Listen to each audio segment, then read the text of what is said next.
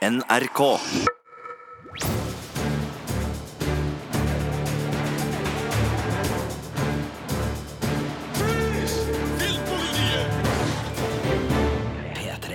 Velkommen til en splitter ny podkast fra oss i Filmpolitiet. Og vi er Birger Vestmo. Sigurd Vik. Og Marte Hedenstad. Vi befinner oss i et lite filmatisk vakuum fordi det er bare én premierefilm denne uka. Det skyldes kanskje at eh, Mamma Mia Here We Go Again går for sånn cirka fulle hus. og i neste uke kommer jo den nye Mission Impossible-filmen Fallout, så det, det er ikke de store titlene vi finner her nå da midt mellom de to. Nei, det er vel en ganske sånn uh, håpefull actionfilm vi hører der, som, som håper å, å, ta Norge med storm. Hotell Artemis, uh, og den har vi jo fått sett alle tre, og skal gå i dybden på. Ja, det skal vi. Det er trivelig å gå på kino sammen uh, for en gangs skyld. Ikke bare sitte alene i et sånt pressekinomørke. og og få hygge seg litt sammen. Du og klager på jobben din nå? Eh, ja, det er en helt grusom jobb her. Man sitter og går på kino aleine og bare sitter helt ensom i kinosalen. Ikke ha noe bråk og ingen som knitrer med popkorn eller noe som helst. Det er helt forferdelig. Men eh, sjøl om eh, det bare er én premierefilm på kino denne uka, så skjer det ting i andre medier som er verdt å bruke oppmerksomhet eh, på.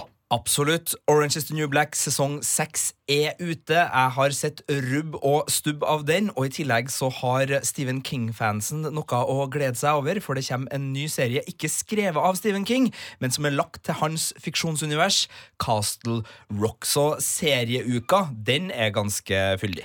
Vi må innom James Gunn, regissøren av de to første Guardians of the Galaxy-filmene, som denne uka, eller sist helg faktisk, mista jobben på film nummer tre på grunn av eh, gamle tweets. Vi skal innom filmfestivalen i Venezia, der programmet nettopp er sluppet, og det virker som et ekstremt sterkt felt, også sett med norske øyne. Og så skal vi innom noen um, andre TV-univers som vi er over middels gira på, Marte. Oh yes! Game of Thrones, folkens! Nå vet vi sånn cirka hvor lenge vi har å vente før siste sesongen kommer. Men aller først så skal vi innom ukas eneste premierefilm, altså. Den heter Hotell Artemis. The Artemis is a secret hospital for criminals. Easy, fellas. Everybody's gonna get fixed up. Now verify your memberships, and we're off to the races. This thing is covered in blood. It's always covered in blood. The Eastern world. This is America. It is exploding. 85% of what I fix is bullet holes. Hotell Artemis er skrevet og regissert av Drew Pearce, som debuterer som regissør her i spillefilmsammenheng, men som manusforfatter har han gjort seg bemerka tidligere med manus til Iron Man 3 og ikke minst Mission Impossible Rogue Nation. Men eh, nå altså både manus og regi på Hotell Artemis, som bygger på et konsept flere mener å kjenne igjen fra et eh, par andre filmer, nemlig John Wick 1 og John Wick 2. Hvorfor det, Marte? Nei, altså, du har et hotell som bare er for kriminelle. På dette hotellet er det regler. Eh, du får ikke lov å drepe de andre gjestene. Eh, og så er det jo da selvfølgelig mulighet for å få litt medisinsk hjelp når man har vært i uføre. Ja. Så det det, det, er grunn til å tro at Drew Pearce kan ha latt seg inspirere av John Wick her, uten at vi veit det, men det virker jo mistenkelig kjent. Ja, altså Det er i hvert fall plotlinen der går ja. for begge filmene. Altså Den går både for Hotell Artemis og for John Wick, så, så der er i hvert fall en, en meget tydelig likhet. Spesielt det med de reglene. Det er veldig John Wick, altså. Ja, Men det er jo ingen skam i å låne fra andre filmer. Det gjøres jo hele tida. Hvor mange Die Hard-filmer fins nå, bare med andre navn? ja, Skyscraper var det. ja. Eh, så jeg eh, har ingenting imot eh, det. Men jeg skulle ønske at Hotell Artemis var litt bedre mer, fordi den, den utnytter ikke potensialet fullt ut. Det, I hvert fall når den sammenlignes med John Wick, så taper den grundig, spesielt på actionfronten. Men bare for å ta eh, handlinga litt mer spesifikt her, eh, uten å spoile noe, så foregår historien i Los Angeles i 2028, der drikkevannet er privatisert, og nå har selskapet som kontrollerer drikkevannet, skrudd igjen kranene, og det har forårsaka et opprør i sentrum. med masse skyting og slåssing og eksplosjoner i gatene. Og midt i det her ligger da Hotell Artemis, som altså er et hotell for eh, skada kriminelle. De som er medlemmer, kan ta inn på hotellet og få eh, pleie der av uh, søstera, eller eh, The Nurse, som spilles av Jodie Foster. Hun har eh, en medhjelper som heter Everest, spilt av Dave Bautista. Eh, så viser det seg at eh, byens store forbryterkonge, The Wolf King, melder sin ankomst. Og det viser seg også at noen av de pasientene som allerede er på Hotell Artemis, har hemmelige planer. Og så skal vi ikke si mer enn det. Men eh, det blir en del spenning og en del action. Eh, Men det burde ha blitt mye mer spenning og mye mer action. Ja. For eh, den innfrir ikke helt forventningene jeg fikk fra anslaget. Nei, absolutt ikke. Og spesielt når det er en film som sammenligner seg med John Wick, som jo er en actionfest uten like, eh, så forventer man jo en viss mengde action. Eh, Og så eh, når du har dette hotellet, så får jeg veldig sånn derre asiatisk film. Det er en bygning, du skal fra bunnen og opp, og jeg forventer mye hånd til hånd, kampsport i trange korridorer, og det skal se kult ut. Og det syns jeg vi fikk litt for litt av. Men du fikk litt av det. Jeg fikk litt av det, men ikke nok. Så ja, jeg var egentlig litt sånn skuffa fordi at filmen var så treig. Når du sier asiatisk eh, film, eh, du, du tenker Die Hard, egentlig? Nei, jeg tenker faktisk ikke Die Hard. Altså, ja, greit nok, det er et hotell, men vi har allerede hatt en Die Hard-film den, eh, den sommeren her, og det er Skyscrapers, så det får holde. Så nå er det mer sånn The Raid eller Dread vi, vi er i, i landskapet til, tenkte jeg da. I hvert fall det mine forventninger var. Og de filmene du nevnte der, brukte jo bygningen som en egen figur. Altså en egen karakter, som det vel egentlig ikke heter på norsk, men vi sier det likevel. Eh, Det fikk jeg ikke helt den samme følelsen av i Hotell Artemis. Nei. Man er åpenbart på et filmsett. Ja, også sånn, De kunne utnytta det mye mer, fordi at det er en litt sånn stilig sånn art deco-stil på eh, hotellet, men det utnyttes ikke til det fulle. Nei, vet du hva, det er litt sånn øh, Nå skal jeg være slem, da, men det er nesten sånn jul i Blodfjell-tate med sånn hemmelig døre. Og, og det, er, det er ikke benytta som kulisse eller som rollefigur, som Birger var inne på, i det hele tatt øh, på det nivået som forventes av spesielt rollelister og, og sannsynligvis også budsjettet her. For det, det er jo ikke små Det er jo ikke ukjente fjes. Altså, det, det er Jodie Foster, det er Jeff Goldblum, det, det er Batista osv. Altså, det, det er jo et rollegalleri her som fortjener bedre kulisser å leke seg i. Så jeg er skikkelig skuffa over det. Og samtidig, når man liksom er utenfor, og det er liksom det her superfarlige Los Angeles riot anno 1990-tallet igjen jeg føler ikke noe på faren der heller. Det er, det er aldri skummelt nok. Og da er det liksom action og eventuelt litt sånn uh, vittigheter og, og kjemi mellom skuespillerne som, som trengs. Og, og der er det litt svakt. Men skuespillerne er vel ikke så hestgæli, Birger?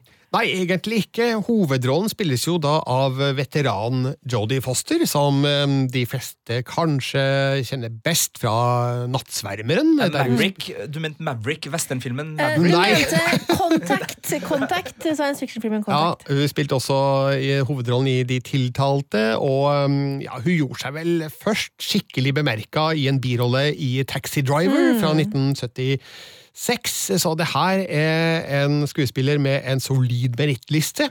Og hun er fin å se på også i Hotell Artemis. Hun spiller godt, men hun har ikke den største rollefiguren å ta tak i her. Jeg tror manuset er litt begrensa, sånn at hun, hun gjør det hun kan ut ifra det hun hadde å jobbe med, men uh, hun blir aldri en sånn skikkelig stor eh, hovedfigur man eh, føler for å engasjere seg i.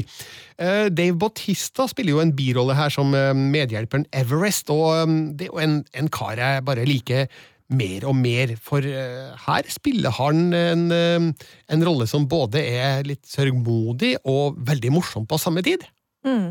Han eh, klarer å balansere tre eh, elementer uanstrengt. Han er sår, som du sier, han er morsom, og han er action-hardhausen. Altså, han, er jo han, han er jo the henchman eh, på en måte for Jodie Foster. Han er hennes beskytter. Han er den som sørger for at reglene på hotellet ikke er noe du har lyst til å bryte, for at han er jo virkelig noe å, å bryne seg på. Eh, men, eh, men det er liksom ikke det vi merker mest med han. Det er den der lune sida, den, den såre sida. Han har tydeligvis en bakgrunn bakgrunn som gjør at han er veldig dedikert til både eh, sykepleieren og hotellet. Og, og ja, nei, jeg syns Batista gjør Han er den som imponerer meg mest Ja, i.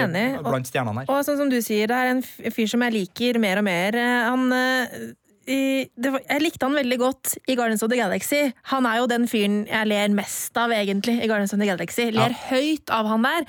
Eh, og så i Blade Runner 2049 så fikk man se en helt annen side av han, hvor han kun var en, i en dramatisk eh, rolle, og det var veldig fascinerende. Og jeg var veldig overrasket over den prestasjonen han gjorde der. Og, og, og den rollen i Blade Runner 2049 blir jo også utdypa i en kort film, som en slags forløper til historien som ligger ut på, på YouTube, så, så se gjerne den.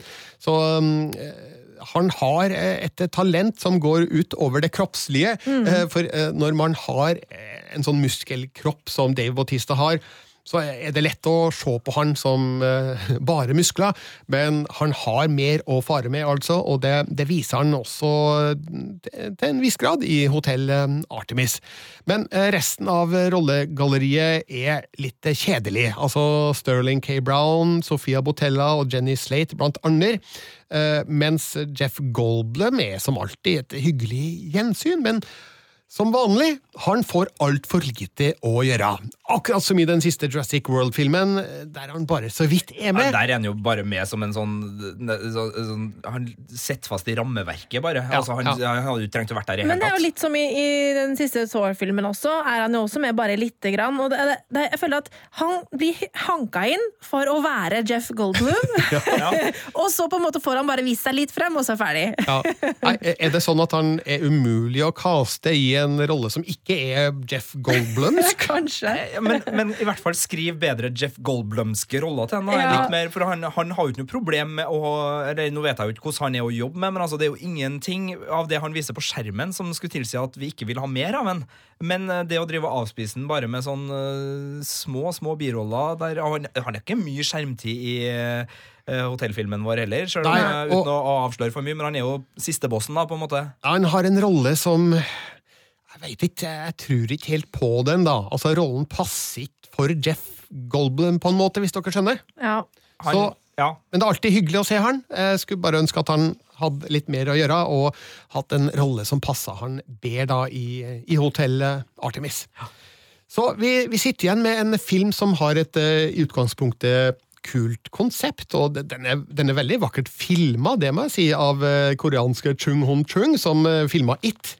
Og også um, uh, Chan Wook Park-filmene Kammerpiken, Lady Vengeance og Oldboy. Så Og så det her er jo, det er jo kjempebra filmer. Det er fire filmer jeg liker veldig godt. Ja. og rensa opp så.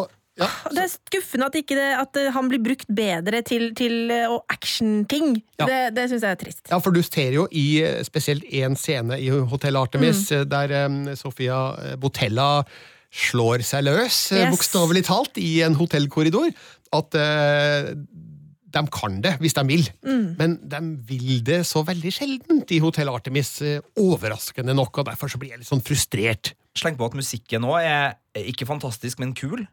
Altså det, Den bruker litt sånn 60-tallspop uh, Ja, sånn. på Ja, soundtracket. det, ja, låtvalgene. det er kult, ja. Ja, Ja, Mm. det er bra. Så eh, det er ikke helt bortkasta, altså, å se hotellet Artemis. Eh, Den har en viss underholdningsfaktor, men den har en del drawbacks som, som gjør at uh, jeg føler at det her kun og burde vært eh, mye bedre. Derfor får eh, Hotell Artemis rett og slett terningkast eh, tre.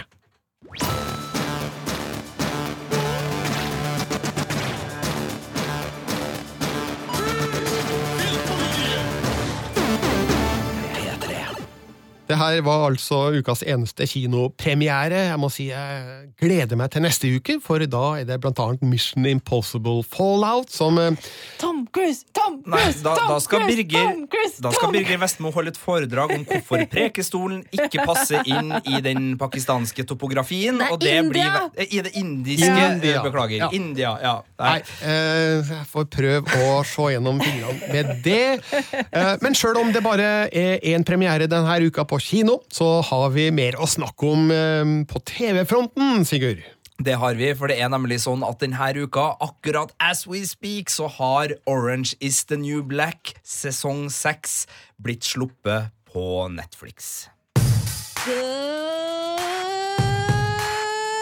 morning, Litchfield Max, and and greetings to our new cookies. Wait, th- this isn't home. This is not home. Is now. Jeg skal innrømme at jeg ramla av Orange is the New Black etter de to første sesongene. Er usikker av hvilken grunn. Jeg husker ikke helt. Eh, Du må filme meg inn, Sigurd. Hvordan har Orange is the New Black utvikla seg fram til i dag? Det har utvikla seg til å bli en av de store rollefigur... eh, Eller rollegallerifavorittene blant de store drama-prestisjeseriene fra, fra strømmetjenestene. Det er jo en serie som både har vært nominert i komedie- og dramakategori, og det sier egentlig ganske mye om det rollegalleriet her, for det er et rollegalleri som er bygd opp på en måte som klarer både å være morsom, underfundig eh, og lun, samtidig som det har klart å ta inn over seg både samfunnets realiteter, eh, ulik bakgrunn i USA, og hvordan det spiller inn på, på livet i fengsel, og ikke minst også da eh, fengselsbiten av det. Altså, det er jo en ganske kjent sjanger, fengselsfilm og fengselsserie. Man har jo Wentworth og Oss-seriene, som er mye mer realistisk og mørk og nedpå. Prison ikke Break, mye mer realistisk. og Ok, om man har Prison Break Men, men jeg syns liksom Orange is New Black har klart den balansen mellom å være eh, en lystigere og artigere serie, men de har liksom ikke forlatt det alvoret, sjøl om de ikke er en så realistisk serie som eh, de nevnte, bortsett fra Prison Break, Martenstad. Eh, så så det, det har blitt en suksessserie. Alle sesongene fram til nå, altså én til fem, har fått terningkast fem av oss eh, her i Filmpolitiet, og det er en serie som eh, har egentlig Den har ikke nødvendigvis vokst, vokst seg bedre for sesong til sesong, men spesielt fra sesong én, som var en mer sånn klassisk én hovedperson basert på en virkelig historie. Det var liksom uh, hooket deres. Det var Piper Chapman som var rollefiguren, som var en hvit middelklassejente som plutselig måtte relatere seg til det å være i fengsel. Det var liksom innsalget, men fra det så har serien klart å gå bort fra den hovedpersonen og gjøre det her til en eh, miljøskildringsserie som har mange, mange føtter å stå på. Og det er vel ikke bare jeg som har likt det, Marte? Nei, Jeg eh, liker det veldig veldig godt, selv om jeg brukte ganske lang tid på å komme inn i serien. Eh, Jeg begynte å se Orange is the New Black tre ganger før jeg faktisk kom meg gjennom første sesong. Og det var fordi at jeg ikke likte Piper Chapman. Jeg syns hun var ganske uspiselig, eh, og, og tenkte at det her gidder jeg ikke. Men etter hvert eh, hvor jeg da oppdager liksom resten av rollegalleriet, som du sier, og spesielt da i sesong to, eh, hvor, hvor hun egentlig ikke får fullt så mye skjermtid, så, så har jeg virkelig blitt glad i Orange is New Black og kosa meg med hver eneste sesong. Men, men har du blitt mer glad i Piper Chapman? Eh, ja, altså, hun har blitt litt Den, den eh, trusesesongen var litt kul. Eh, den hvor hun eh, lager truser og blir litt sånn liten sånn mafioso inne i fengselet, den var litt kul. Men hun er ikke min favoritt inni der. Det er mange andre figurer som jeg syns er mye mer spennende å følge enn hun, altså. Ok, kjapp. Hvem er dine favoritter? Si to. Eh, Suzanne. Crazy Eyes. Ja. Eh, og så syns jeg hun som jeg ikke husker navnet på i farta, hun, eh, hun tidligere narko-Bertha som uh, hadde den affæren med, med han Eller affære! Hun ble først voldtatt, og så hadde affære med han Dodget. Ja. Ja, Hva heter okay. hun igjen? Jeg husker ikke. Uh, Pensatucky Dodget. Ja. Hun, hun liker jeg. ja. Jeg har Nikki og Tasty. Ah, Eh, tasty! herregud! Herregud, tasty, tasty! er- tasty er min Ah, eh. Tasty er Birger, husker jeg, du? jeg må jo bare si Crazy Eyes da, fra de to første sesongene som jeg så, spilt av Uso Aduba, som jo har vel vært eh, Emmy-vinnende for den rollen. Det har hun. Eh, og akkurat i den Crazy Eyes-rollen så syns jeg man får inn det du nevner med både liksom uh, at det har humoristiske elementer, og også det med at samfunnsgreiene, og bare det at en syk person er i fengsel eh, og blir behandla på den måten hun gjør. Det er noen skikkelig vonde sekvenser opp gjennom eh, sesongene med Crazy Eyes som treffer skikkelig hardt. Altså. Men Sigurd, kan du eh, fortelle litt om hva som skjer i sesong seks, uten å spoile for mye? Det kan jeg, og, og jeg kan ta tak i, i det du sa der. Fordi uh, sesong fem slutta vi, vi må bare si det, Hvis du ikke har sett sesong fem, så beklager vi at det kommer litt grann spoiling her nå. Vi skal holde det ganske lett. Men det, det var et opprør i fengselet, i Litchfield kvinnefengsel, uh, lavsikkerhetsavdelinga i sesong fem, som førte til at uh, eh, våre, vårt rollegalleri ble sendt i ulike busser. Og eh, en del har vi rett og slett mista. De er ikke med i sesong seks, så vi har mista veldig mange kjente fjes. Men eh, bussen med veldig mange av våre hovedpersoner da, eh, har gått til høysikkerhetsavdelinga Er i Litchfield. Er det noen som du likte veldig godt som vi har mista? Uh, ja. Det er det. Okay. Ja, så, det så det er dårlige nyheter. Det er fanfavoritter som forsvinner, Oh, men det er ikke eh, de aller største fanfavorittene har ikke forsvunnet ut av serien, eh, tror jeg jeg kan si. okay. Okay, Men i hvert fall, eh, så her Det er på en måte en todelt historie der vi følger etterspillet av opprøret, både med rettsapparatet. De som har sett det, vet at det skjedde veldig dramatiske ting på slutten av sesong fem som potensielt kan få katastrofale følger for, for enkelte av de innsatte. Samtidig så, så er det både hemmelighold og konspirasjoner i, eh, blant de som ikke sitter i fengsel, som kanskje burde ha det. Eh, så, så der ligger det en spenningshistorie. Og så er det en spenningshistorie med at eh, de Litchfield-kvinnene som da kommer inn i høysikkerhets, altså vårt rollegalleri som kommer inn i høysikkerhetsfengselet nå, møter jo en helt ny hverdag, hvor de havner på ulike celleblokker. Og så er det selvfølgelig da krig mellom celleblokkene, for det her er jo et mye mer uh, hardbarka miljø de havner inni. Og de havner da inn i det jeg vil si er en ganske sånn klassisk fengselskonflikt, hvor du har to bosser på hver sin side som kjemper om makta i fengselet, og så er da vårt rollegalleri lakeia på ulike vis for dem, og må plutselig innse at de gamle vennskapene de har, kan ikke de opprettholde Nei. på samme måte, osv., så videre og det er vel den delen av historien som det skorter litt på. Jeg vet ikke, Birger, har du, Syns du det høres kjent ut med fengselsavdelinger mot hverandre i film- og fjernsynsverden? Jeg syns nesten alle fengselsfilmer minner om hverandre, egentlig. Så Ja. jeg blir jo ikke overraska over at de tar i bruk kjente grep fra fengselsfilm- og seriesjangeren. Nei, og det er for så vidt greit, men det her er en, her er en greie de også har lefla med før, og det blir en veldig sånn enkel måte. Jeg syns Orange is New Black har klart seg veldig bra på at de har vært veldig nyansert. De har liksom hatt for så vidt, som du sier, strukturer fra klassisk fengselsunderholdning og, og også drama, men, men de har liksom hele tida klart å gjort det til noe eget. Her blir det altså De er ganske enkle, slemmingene her. De nye slemmingene er litt sånn simple rollefigurer som bare er der for å skape spenning, og, og for meg så blir det et lite hakk ned. Det er ikke dårlig, det er ikke forferdelig, men det er ikke like godt som det har vært. Det er derimot ikke problemet når det gjelder uh, etterspillet. Altså, uh, Det der serien er på sitt beste nå, og det her serien er den samfunnskritiske uh, godbiten som er dritforbanna på det forretningsstyrte fengselsvesenet i USA, som også sneier innom dagsaktuelle tema som sånne detention cells. Altså, det her er jo forretninger som, som skal slå seg opp innen det å holde folk fengsla, og da er jo de her eh, grensehusene som man har sett i USA nå den siste tida, som Trump har fått veldig mye kritikk for, som har blitt brukt til å adskille familier, de dukker også opp i, i ytterkanten av historien her. Så her er serien både dagsaktuell, og det er her eh, spesielt Tasty og uh, den gamle fengselsdirektøren uh, å, nå, nå ble det plutselig stilt i, i hodet mitt. Han med barten? Han med barten. Eh, Hva dem- ja, hva heter han? Piscatelli? Eh, nei, ikke Nei. Piscatelli. Der, eh, det er eh, ja, eh, samme det. Det er dem to i hvert fall som, eh, som får lov til Caputo. Caputo Caputo, ja. Caputo og Tasty får en veldig fin storyline i, i den kommende sesongen, og, og blir ansiktene for mye av den frustrasjonen og det sinnet som serien da fremdeles har, ved å vise fram hvordan storsamfunnet behandler de ulike samfunnslagene. Skal vi bevege oss over til en eh, konklusjon? Eh, Det er jo ingen tvil om at du fremdeles eh, trives i Orange is the New Black-universet, men Ja, du er veldig godt oppsummert. Det her er fremdeles god valuta og absolutt en anbefaling for alle de som har investert i de fem sesongene som Orange is the New Black har putta ut, men det er også den svakeste til dags dato pga. spenningshistorier som ikke er like gode som de har vært, og ikke minst også for at de har gått litt tom for drivstoff på en del sentrale rollefigurer som egentlig bare gjentar seg sjøl. Her snakker vi om folk både i fengsel og utenfor. Skal ikke nevne navn, men det er en del som, eh, som har nådd slitasjepunktet da,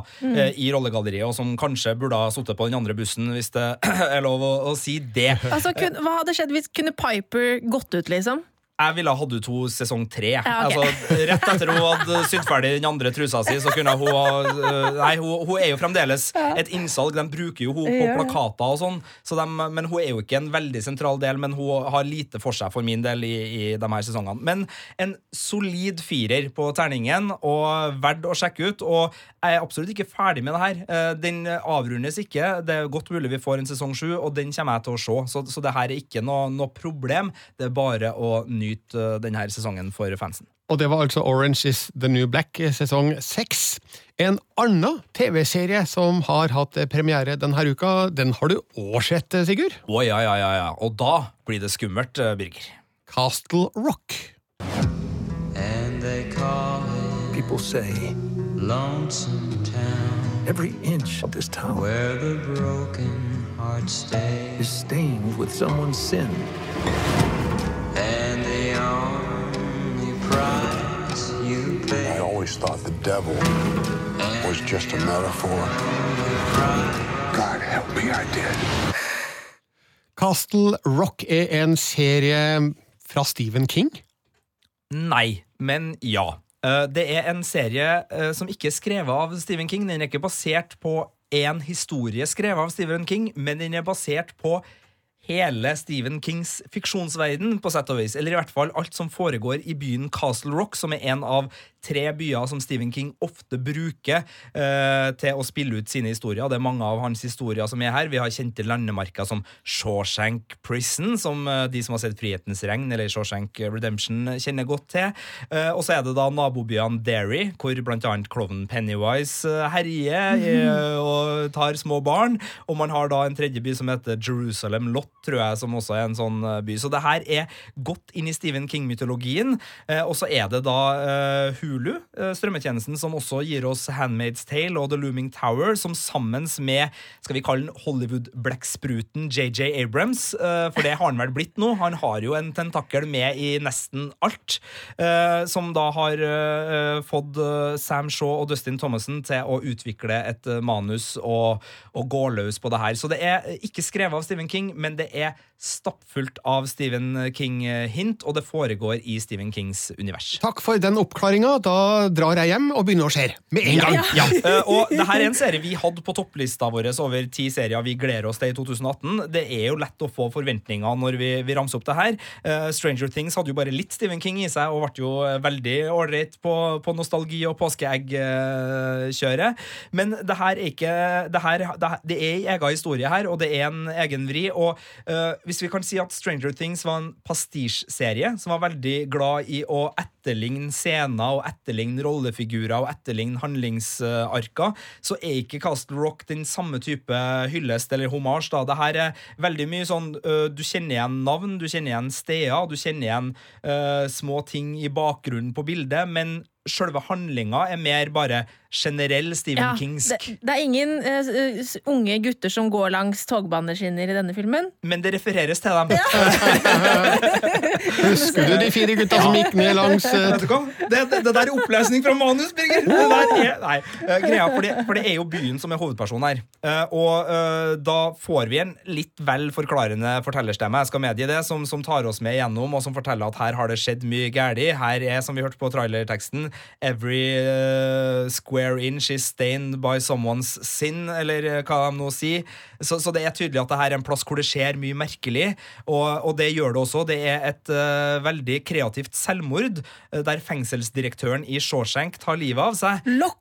Uh, som John starter Locke. Ja, nei, Men det starter da en, eh, en serie hendelser hvor eh, et 20 år gammelt drapsmysterie dukker opp, Mm. og det dukker også opp en fange i det her eh, Shawshank-fengselet, spilt av Bill Skarsgård, som også da spilt selvfølgelig Pennywise ja, i It? ja.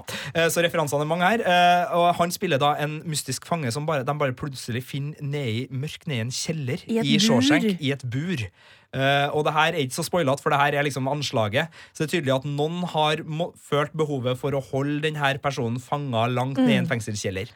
Eh, altså, Du har jo sett tre episoder. Ja. Eh, jeg eh, har rekt å sett én episode. Ja. Eh, og jeg, jeg ble for det første dritskremt. Uh, der, jeg er jo veldig rettskremt, så det betyr jo ingenting. Men det er en skikkelig sånn uhyggelig stemning det bygges opp til her. Jeg, jeg, det, det er mye sånn derre sånn Egentlig ting, bare sånne små elementer som egentlig kanskje ikke er så ekkelt, som på en måte blir litt sånn guffent bare fordi at det er satt i dette universet. Bare sånn En flue her er plutselig kjempeekkel. Liksom sånn Det er mye sånn Atmosfæren er virkelig Stephen Kingsk. Ja, og du hører det jo på det lydklippet her, hvor den her eh, lune 50-tallspopen spiller i bakgrunnen. Og det, det, det er jo den kontrasten mellom det lune småbyamerikana og det overnaturlige ondskapen som eh, da drypper rundt omkring, som er den der herlige eh, King-verdenen. Og så er det også det der uh, X-Files-godbiten med at det er en konspirasjon. Altså, Vi vet med en gang vi begynner å se den serien her, at det skjer noe overnaturlig. Det er ikke noe tvil om at det skjer noe overnaturlig,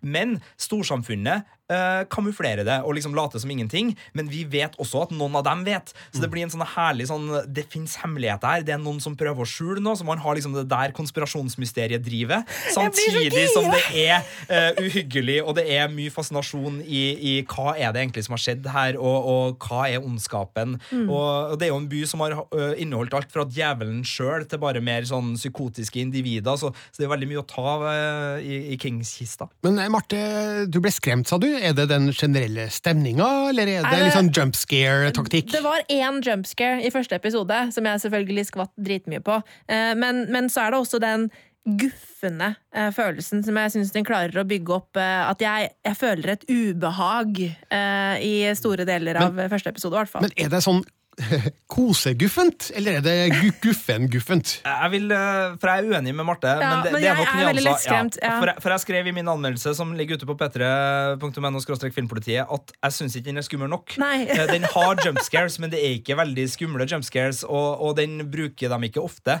Nei, det gjør den ikke. Eh, Så jeg syns den er god på uhygge, og den er god på kreativ, blodig Den er nesten litt sånn Fargo-god på det blodig kreative. Altså, det, den, den er veldig fin. Altså, det selvmordet som starter det hele, er av eh, Ja, det- det, det er av ypperste klasse Ja. eh, når det gjelder Er kreativ si vold. Ja, det må være lov å si. Eh, men, men jeg syns ikke den er altså, altså, Den er ikke mer skummel enn en X-Files-episode. Nei, men jeg har jo vært drittredd av X-Files opp gjennom åra, jeg, altså. Har du det, Birger? Nei, ikke Nei. men godt underholdt, ja. Ja, eh, Så den legger seg på det lista. Så dem som liksom, eh, Den er ikke så skummel som It. Altså Pennywise-klovnen i It er mye skumlere enn alt det som Ja. eh, er av tre episoder så langt Og det er i derfor jeg ikke har sett It. Fordi jeg Altså, den, den, den nye It. Jeg er jo så lettskremt, vet du. Så, ja. Men det å lage en TV-serie basert på Stephen Kings univers, det er jo en genial idé som åpner for uante muligheter for Stephen Kings univers. Det er stort.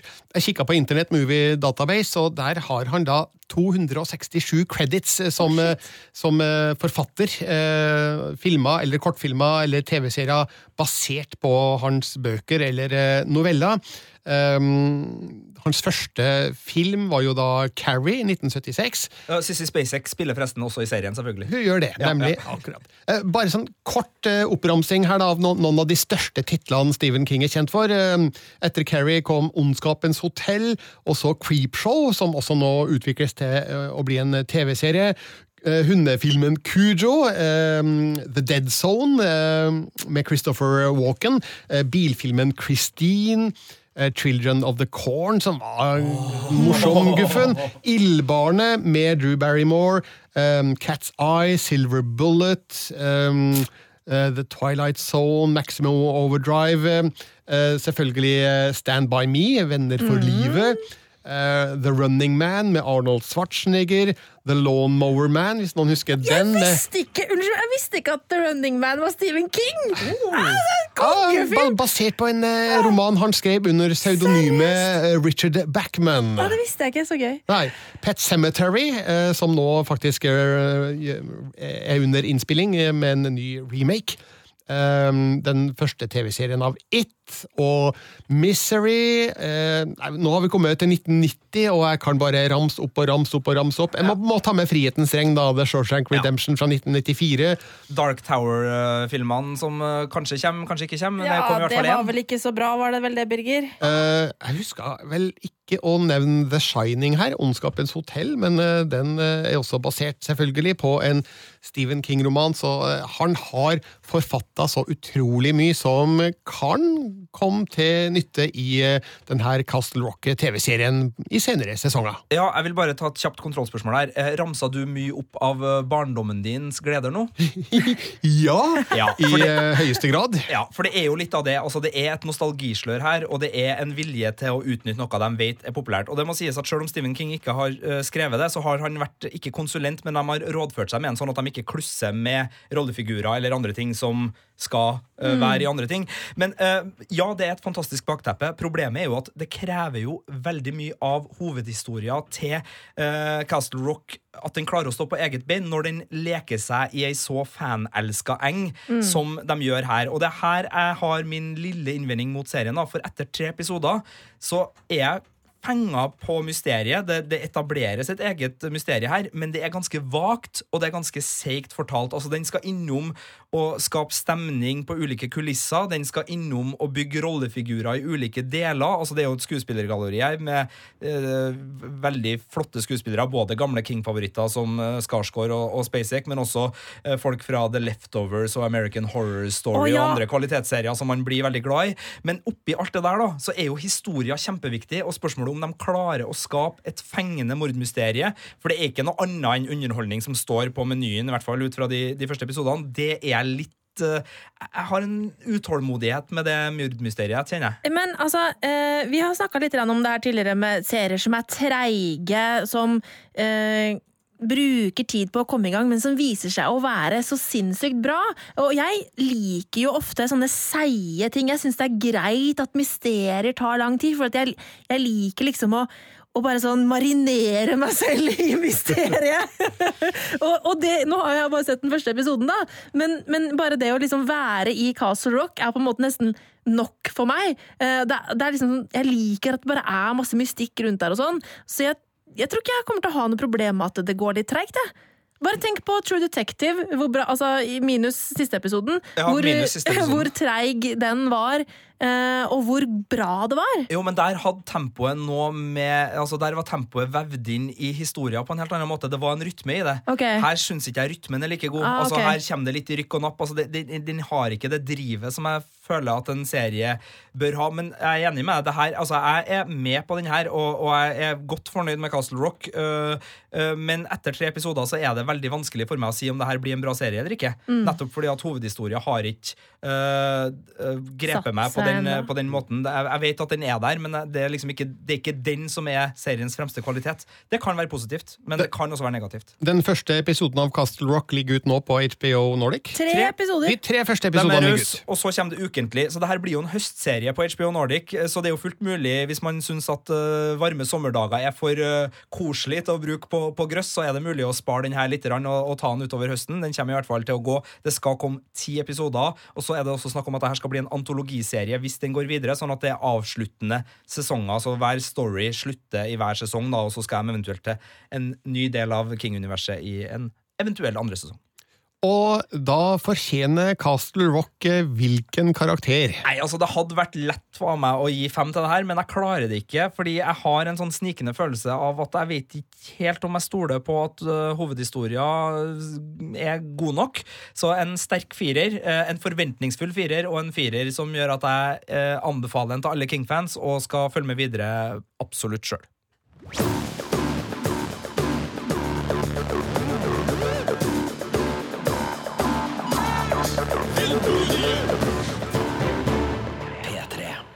Sist helg skjedde det noe som sjokkerte filmfans over hele verden, da det ble kjent at eh, Disney ga regissør James Gunn sparken fra Guardians of the Galaxy volum 3. Det skjedde etter at eh, noen eh, tweets ble offentliggjort eh, med vitser som James Gunn skrev for ja, rundt seks til ti års tid siden, som var av en såkalt offensive karakter. Hva slags tweets var det snakk om? Det var pedovitsa, var det ikke det? Pedo og voldtektsvitser. Ja, men uh, ikke sånn som kom ut av intet. Altså, De hadde jo en slagside og en, en, uh, en slags uh, avsender-mottaker-dynamikk her. Blant annet så fikk The Expendables sin machohet eh, en liten, eh, et lite spark fra, fra Gunn. Og man må jo liksom tenke litt på hvem James Gunn var. Før han ble eh, Guardians of the Galaxy-regissør. Han var jo en, en punker da, i, i filmverden som likte å provosere. Han likte å, å slå fra seg. Og jeg må jo si, det er ikke alle av de vitsene her jeg syns er spesielt gode, eh, men noen av dem Jeg tenker må, jeg, jeg, må er inn, sånn eh, jeg må innrømme at jeg har Jeg har ledd. Jeg har okay. Ok. Men, eh, men for ca. ti års tid siden så var han vel mest kjent som eh, manusforfatter hos eh, Trauma, dette lille filmselskapet i USA som kanskje er mest kjent for eh, eh, groteske filmer som eh, The Toxic Avenger og Tromeo and eh, Juliet. Så eh, han var eh, i en del av det kulturelle spektrumet som eh, var litt mer brutalt og litt mer vågalt og litt mer out there. Eh, men så har han jo gått ut i ettertid og beklaga disse tweetene. Det gjorde han allerede før den første Guardians of the Galaxy-filmen kom. Um, og han har forklart at uh, han var en annen person på den tida. Han har utvikla seg som menneske, og han beklager da de tweetene han en gang um, skrev og, og publiserte. Uh, men Disney valgte likevel å gi han uh, sparken. De kom med et statement som sa at uh, dette ikke var forenlig med Disneys verdier, og ja. Dette har opprørt filmverdenen den siste uka, og med rette, syns jeg, for personlig syns jeg det er helt bak mål å gi han sparken for gamle tweets som han allerede har beklaga og unnskyldt seg for, og som ikke er så groteskt alvorlige at man fortjener å miste jobben. Nei, og det er jo mange ting å ta tak i her, og det er jo ikke noe tvil om at det her også har en politisk side. Altså, det har kommet Altså, den kampanjen uh, som Dave Bautista, som vi snakka om tidligere her, som er premiereaktuell her, han har omtalt det som en uh, cybernazi-kampanje.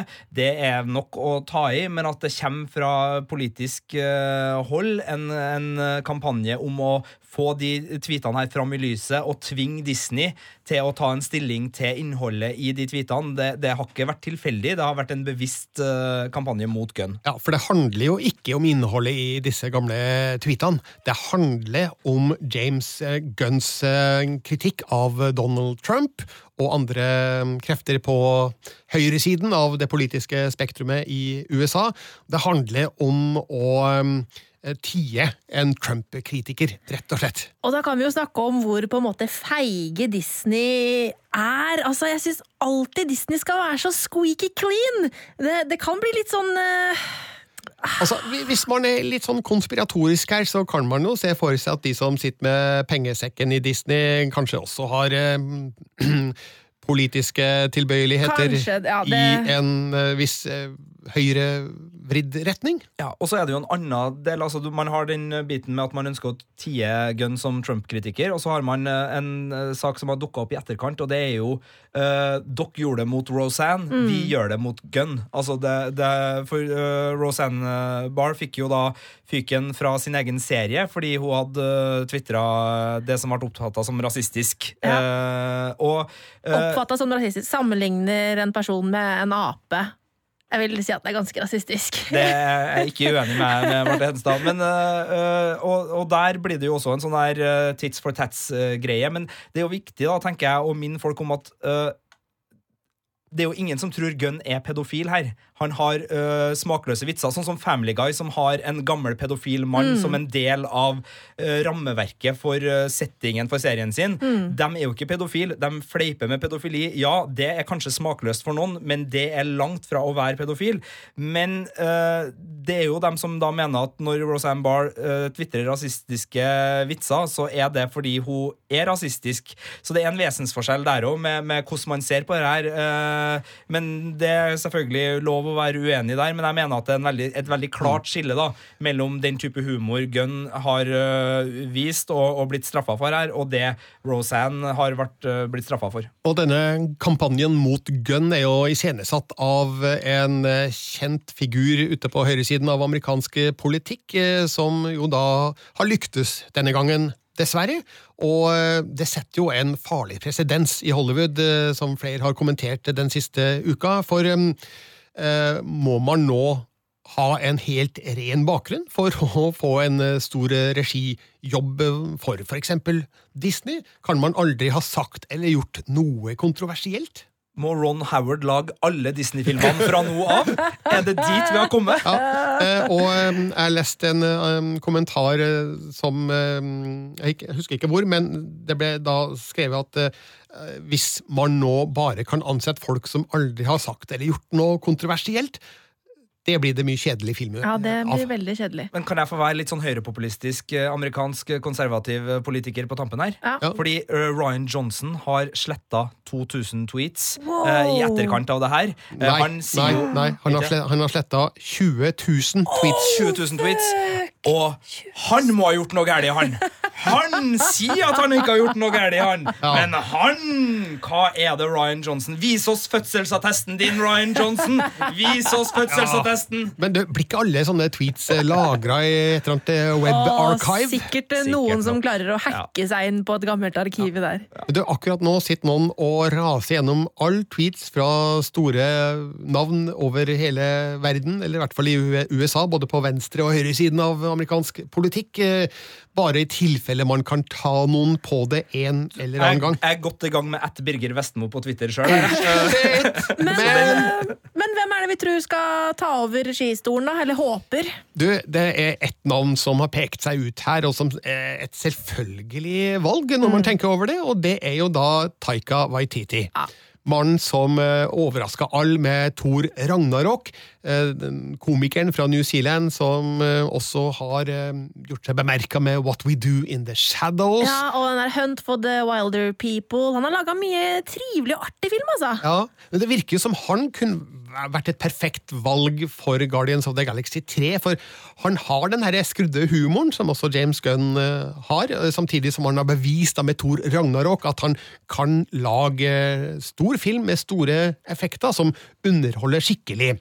Men det man jo selvfølgelig håper, er jo at Disney tar til vettet og hyrer inn James Gunn på nytt, men jeg tror ikke det skjer.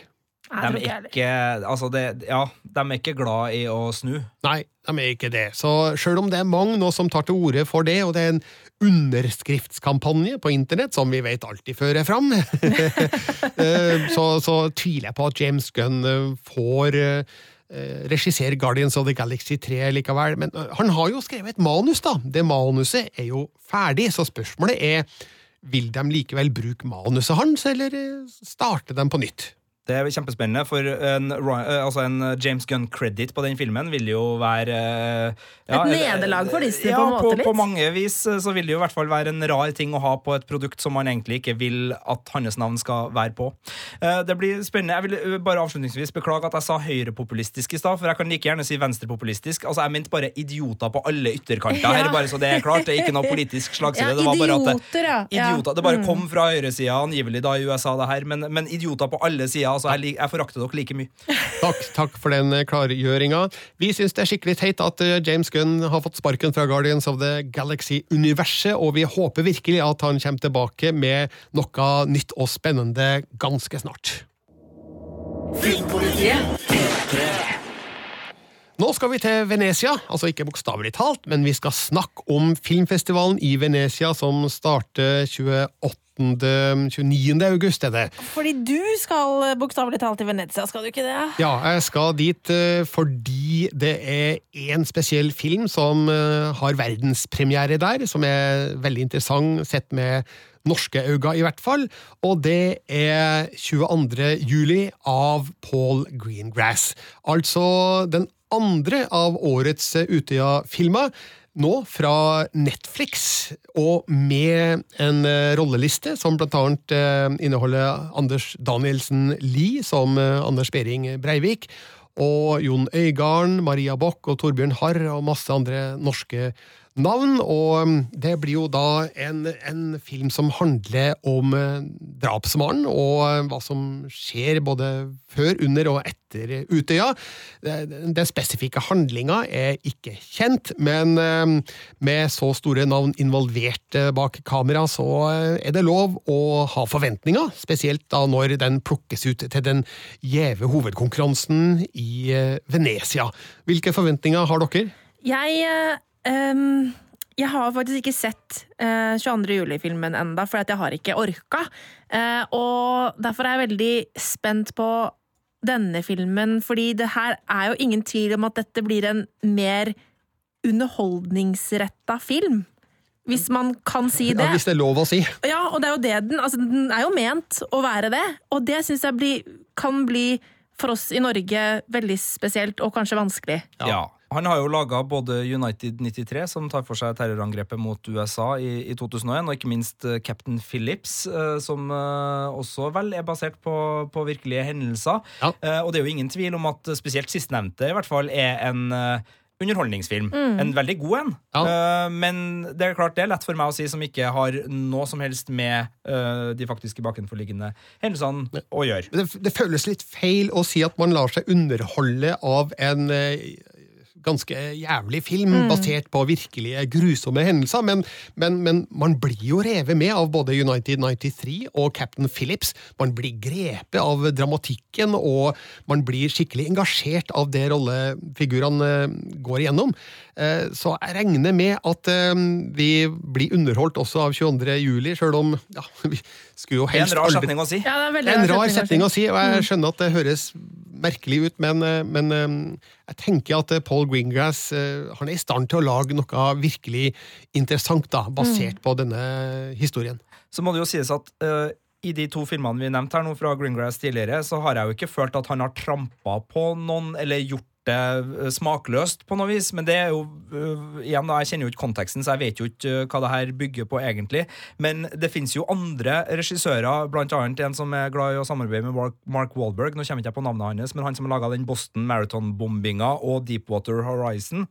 Eh, husker ikke navnet på filmskaperen, men de filmene er jo mer sånn ren patriotisk og, og veldig litt mer sånn actionsvulstig. Der er det jo vittige one-liner-replikker fra Wahlbergs uh, rollefigur som er litt sånn Å, jeg må kutte ned på røykinga, så fytti røkk! altså. Peter Berg. Ja, så, så jeg er jo glad det ikke er en sånn type filmskaper som skulle ha tatt tak i det her, men at uh, Greengrass er en mer tilbakeholden og sober uh, spenningsfilmregissør uh, når det gjelder det å iscenesette uh, virkelige hendelser. Så, så der tenker jeg jo Nå skal jeg ikke si at det er dårlige filmer han lager, han Peter Berg. men de er mer, mer actionunderholdningsbasert, da. Eh, historien i eh, 22. juli-filmen til Paul Greengrass eh, skal visstnok være tredelt. Det skal handle om eh, de overlevende, det skal handle om eh, det politiske lederskapet i, i Norge, og så skal det handle om eh, advokatene som er involvert i denne eh, saken.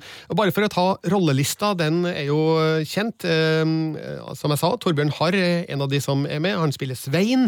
Anders Danielsen Lie spiller Behring Breivik. Um, Jon Øygarden skal spille Geir Lippestad, mens um, eh, Annika von der Lippe skal spille PST Director. Eh, det må vel være um, politisk, altså Politiets sikkerhetstjeneste, selvfølgelig.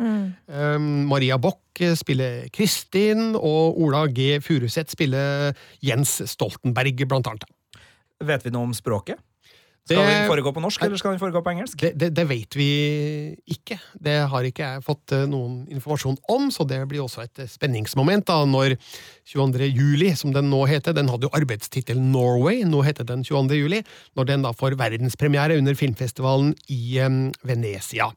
Eh, men programmet ble sluppet denne uka, og det er ekstremt lovende. Altså, det er et av de sterkeste feltene på papiret noen festival har hatt så langt i år. Altså, det overgår filmfestivalen i Cannes eh, når det gjelder hvilke navn som er involvert her. Vi vet jo ikke noe om kvaliteten på filmene. Men eh, bare for å ta et lite overblikk over de eh, antatt viktigste her, da, så starter det jo med First Man av Damien Chazelle, eh, kjent for The La La Land og Whiplash. Eh, her er det da Ryan Gosling som spiller hovedrollen som Neil Armstrong, første mann på månen, og neste år er det jo 50 år siden den første månelandinga, så denne filmen kommer til, til rett eh, tid. Eh, Claire Foy spiller også en eh, rolle her. Tror jeg og- gir den Oscar med en gang. Ja, Gjør det, ja. gjøre det? Og, og Jason Clark eh, har en annen rolle. Og ja, det du sier om Oscar, det er jo ikke så far-fetched, fordi Venezia har etter hvert de siste fem åra blitt et veldig viktig startsted for Oscar-aktuelle filmer. Altså, De siste fem åra har eh, alle hatt filmer som enten har vunnet beste film eller beste regi. Så det er klart at eh, det er viktig for Hollywood spesielt da, å markere seg i eh, Venezia.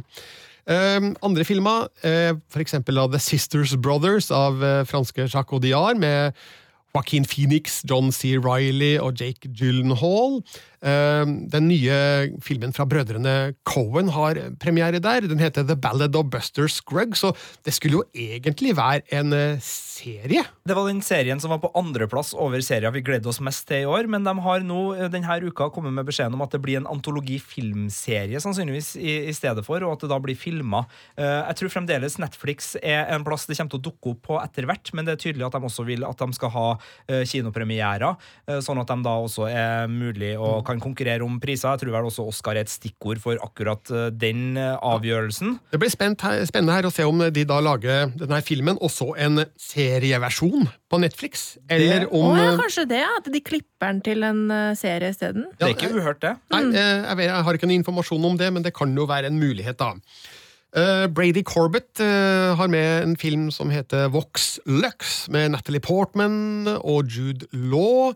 Eh, Alfonso Cuaron deltar med sin Netflix-film Roma, som visstnok var veldig ettertrakta av de som styrer filmfestivalen i Cannes, men de fikk den ikke. Nå, nå er det Venezia som har debuten på den. En annen film som man er veldig spent på, er Suspiria, nyinnspilling av den gamle italienske klassikeren. Nå er det Luca Guadagnino som står bak, han som regisserte Call Me By Your Name. Og han har eh, blant annet Dakota Johnson, Tilda Swinton og Chloé Grace Moretz på rollelista. Eh, ny film fra Jorgos eh, Lantimos, eh, den greske regissøren kjent for The Lobster og The Killing of a Sacred Deer. Skal delta med Olivia Colman, Emma Stone, Rachel Weisz og Nicholas Holt på rollelista. Og så tror jeg jeg skal ta med en viktig film som vises utenfor konkurranse, nemlig A Star Is Born, regidebuten til filmstjerna Bradley Cooper. Ja, altså Hangover Bradley Cooper. som, som nå remaker da A Star Is Born fra 1970-tallet med selveste Lady Gaga i hovedrollen, og Bradley Cooper sjøl, eh, og Andrew Dice Clay, Altså- mine damer og herrer. Jeg vet ikke om eh, det ringer bjella hos veldig Ford mange, men Fairline eh, har jeg det er riktig. The Adventures of Ford Fairline. Har du ikke sett den, gjør det. Fantastisk film fra 1989 eller 1990. tror jeg, eh, der han virkelig gjør en uforglemmelig figur. Men han spiller altså også i A Star Is Born. Det samme gjør Dave Chappelle og Sam Elliot, så det her er litt av en godbit under årets eh, filmfestival i Venezia. Altså, Den traileren ser skikkelig bra ut, og jeg gleder meg. Eh, Jeg synes Lady Gaga hun er en ganske god skuespiller, faktisk. Eh, Jeg har sett henne i en, en litt forskjellige steder nå. Hun, hun, jeg syns hun er flink. eh, Og, og så er hun jo òg helt fantastisk eh, sanger. Så det her tror jeg kan bli veldig spennende. Filmfestivalen i Venezia starter altså da 29. august, eh, og eh, jeg drar dit først og fremst for å se 22. juli-filmen, men også de andre filmene som jeg nå har nevnt, og da blir det selvfølgelig rapporter derifra, både i Filmpolitiet på radio, og selvfølgelig i denne podkasten.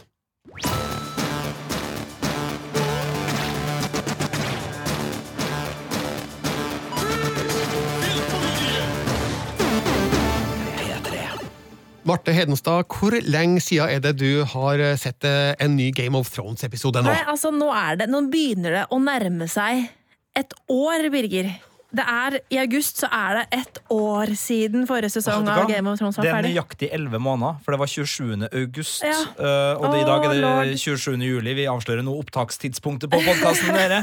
Fredag 27. juli i dag. Og det er 11 måneder. måneder akkurat. Elleve måneder. Eh, Du som er ekstrem Game of Thrones-fan, eh, hvordan går det med deg? Jeg, altså, jeg begynner å kjenne på det. Eh, Jeg har jo prøvd å fylle tomrommet med andre science fiction og fantasy, liksom sånn eventyrting, men eh, jeg kjenner på at abstinensene begynner å ta på, og derfor var det eh, med stor glede jeg eh, fikk med meg eh, at nå er på en måte Det er ikke, det er ikke en dato engang, men det er et tidsrom for når den siste sesongen av Game of Thrones eh, skal komme, og det er første halvdel av 2019.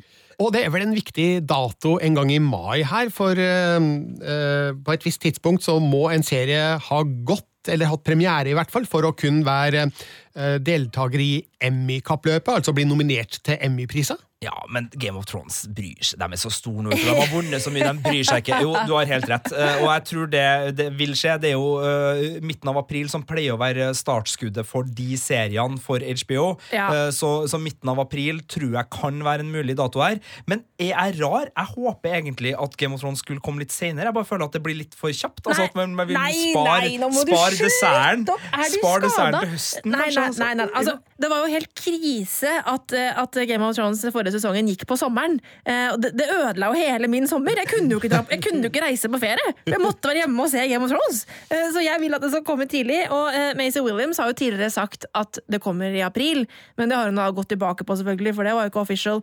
Eh, men nå er det jo da, da Casey Bloyd som er eh, altså, sjefen for, altså, programsjefen, eh, blir vel den norske oversettelsen for hva han er, i HBO, som, som da på en pressekonferanse har sagt at det blir første halvdel av 2019, og da vil jeg jo tro at april er. For det er jo det Ja typiske tidsrommet. Forrige sesong var et avvik. Ja, det, det har vært aprilpremiere på, Ja. på Game of Thrones. Og uh, apropos Missy Williams, hun har tatovert No One i nakken. Det var en veldig Mm. fin tatovering som ligger på hennes Instagram-konto. for dem som vil se Og jeg er helt enig, altså sånne sleivuttalelser som hun kom med, eh, er jo Ja, ja, ikke sant? De, de, er, de er ikke fakta De kommer fra et sted. Ja, de, jeg setter dem ikke i banken som sikker, men uh, de, er ingen uh, i røyk uten ild, osv., osv.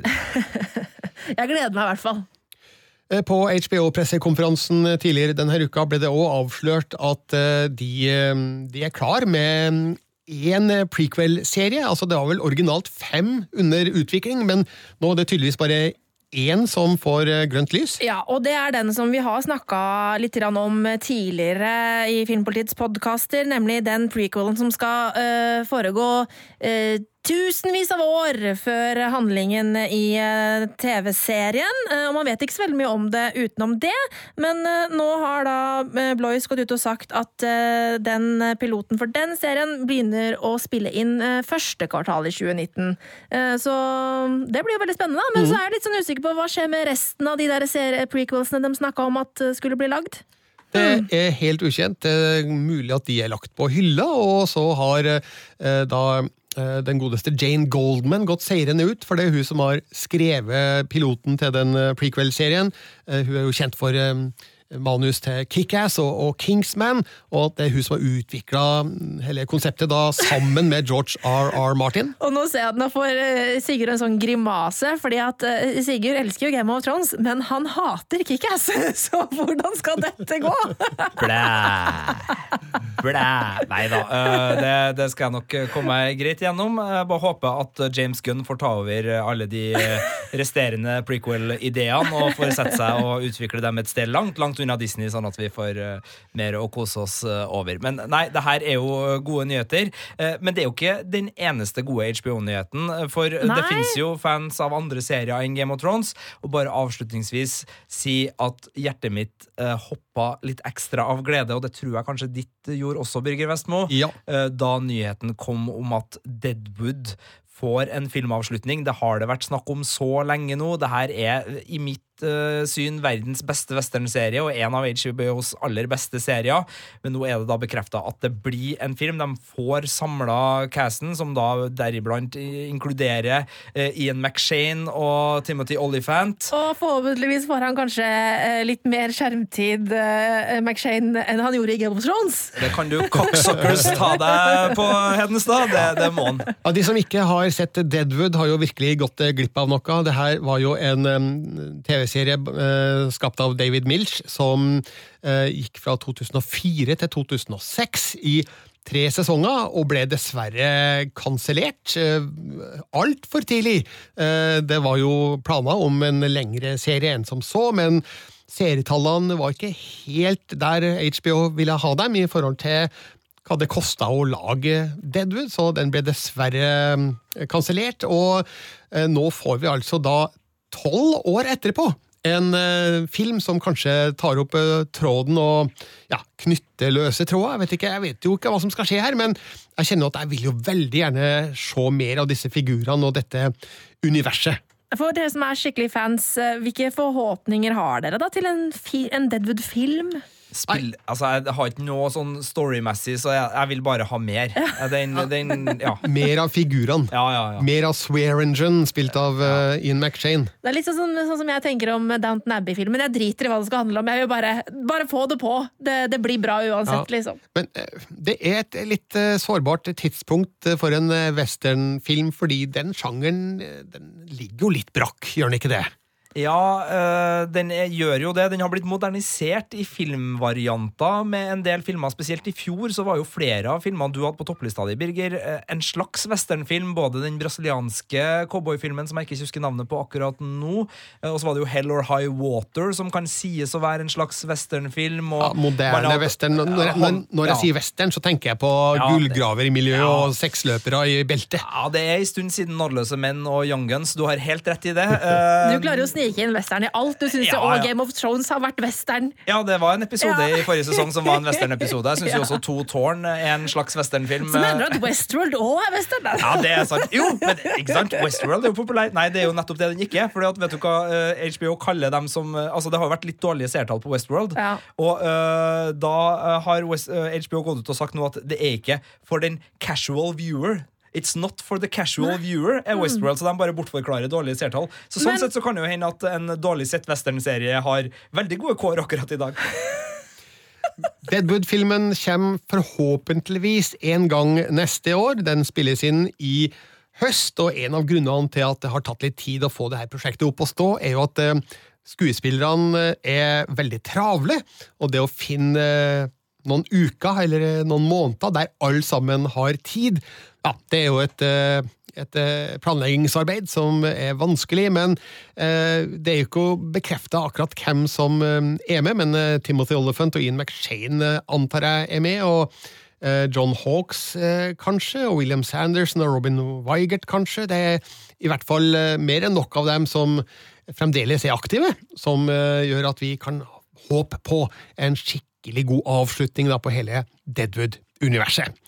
Med det tenker jeg at vi sier Cocksuckers? Ja, vi sier kanskje det. Hvorfor sier vi det? For de uinnvidde? Eh, Det er catchphrasen til eh, Ian McShanes Al Swearingen ja. i Deadwood, og eh, det sies vel ca. altfor mange ganger i hver episode. Jeg tenkte det var bare greit å få klargjort det, sånn at eh, lyttere som ikke har sett Deadwood, begynner å lure på hvorfor i all verden begynner å slenge rundt britiske, amerikanske barneord her. Men eh, ok, det var forklaringa på det.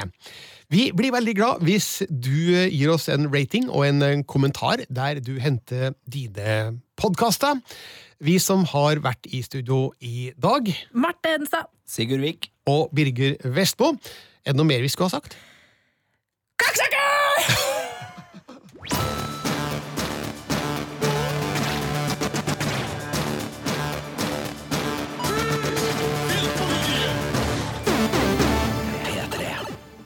Du finner flere podkaster på p3.no podkast.